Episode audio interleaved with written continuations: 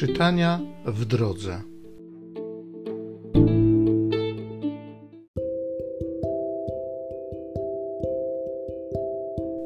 Z Księgi Rodzaju.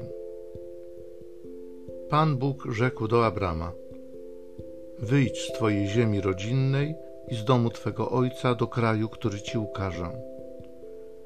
Uczynię bowiem z ciebie wielki naród, będę ci błogosławił i twoje imię rozsławię staniesz się błogosławieństwem. Będę błogosławił tym, którzy Tobie błogosławić będą, a tym, którzy Tobie będą złożyczyli, i ja będę złorzeczył. Przez Ciebie będą otrzymywały błogosławieństwo ludy całej ziemi. Abram udał się w drogę, jak mu Pan rozkazał, a z nim poszedł i Lot.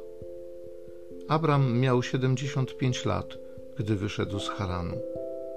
I zabrał Abram z sobą swoją żonę, Saraj, swego bratanka Lota i cały dobytek, jaki obaj posiadali, oraz służbę, którą nabyli w Haranie, i wyruszyli, aby się udać do Kanaanu.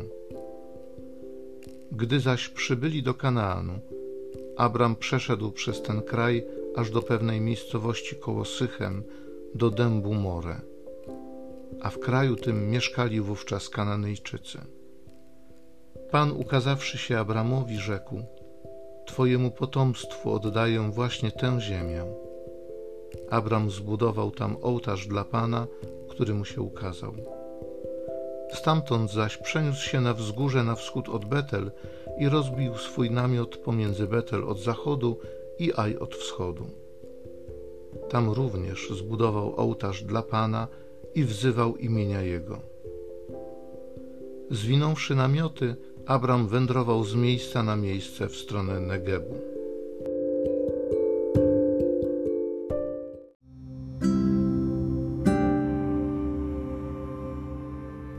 Z Psalmu 33.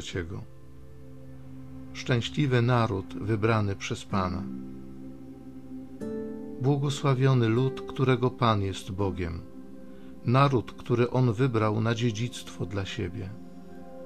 Pan spogląda z nieba, widzi wszystkich ludzi. Oczy Pana zwrócone na bogobojnych, na tych, którzy oczekują Jego łaski, aby ocalił ich życie od śmierci i żywił ich w czasie głodu. Dusza nasza oczekuje Pana. On jest naszą pomocą i tarczą.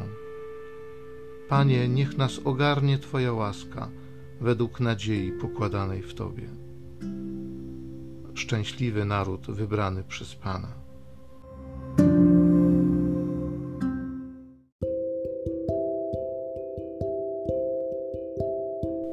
Żywe jest Słowo Boże i skuteczne, zdolne osądzić pragnienia i myśli serca.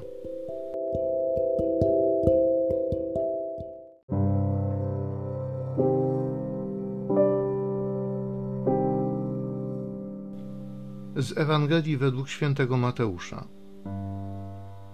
Jezus powiedział do swoich uczniów: Nie sądźcie, abyście nie byli sądzeni, bo takim sądem, jakim sądzicie, i was osądzą, i taką miarą, jaką wy mierzycie, wam odmierzą. Czemu to widzisz drzazgę wokół swego brata, a nie dostrzegasz belki we własnym oku? Albo jak możesz mówić swemu bratu, Pozwól, że usunę drzazgę z Twego oka, podczas gdy belka tkwi w Twoim oku. Obłudniku, usuń najpierw belkę ze swego oka, a wtedy przejrzysz, ażeby usunąć drzazgę z oka Twego brata.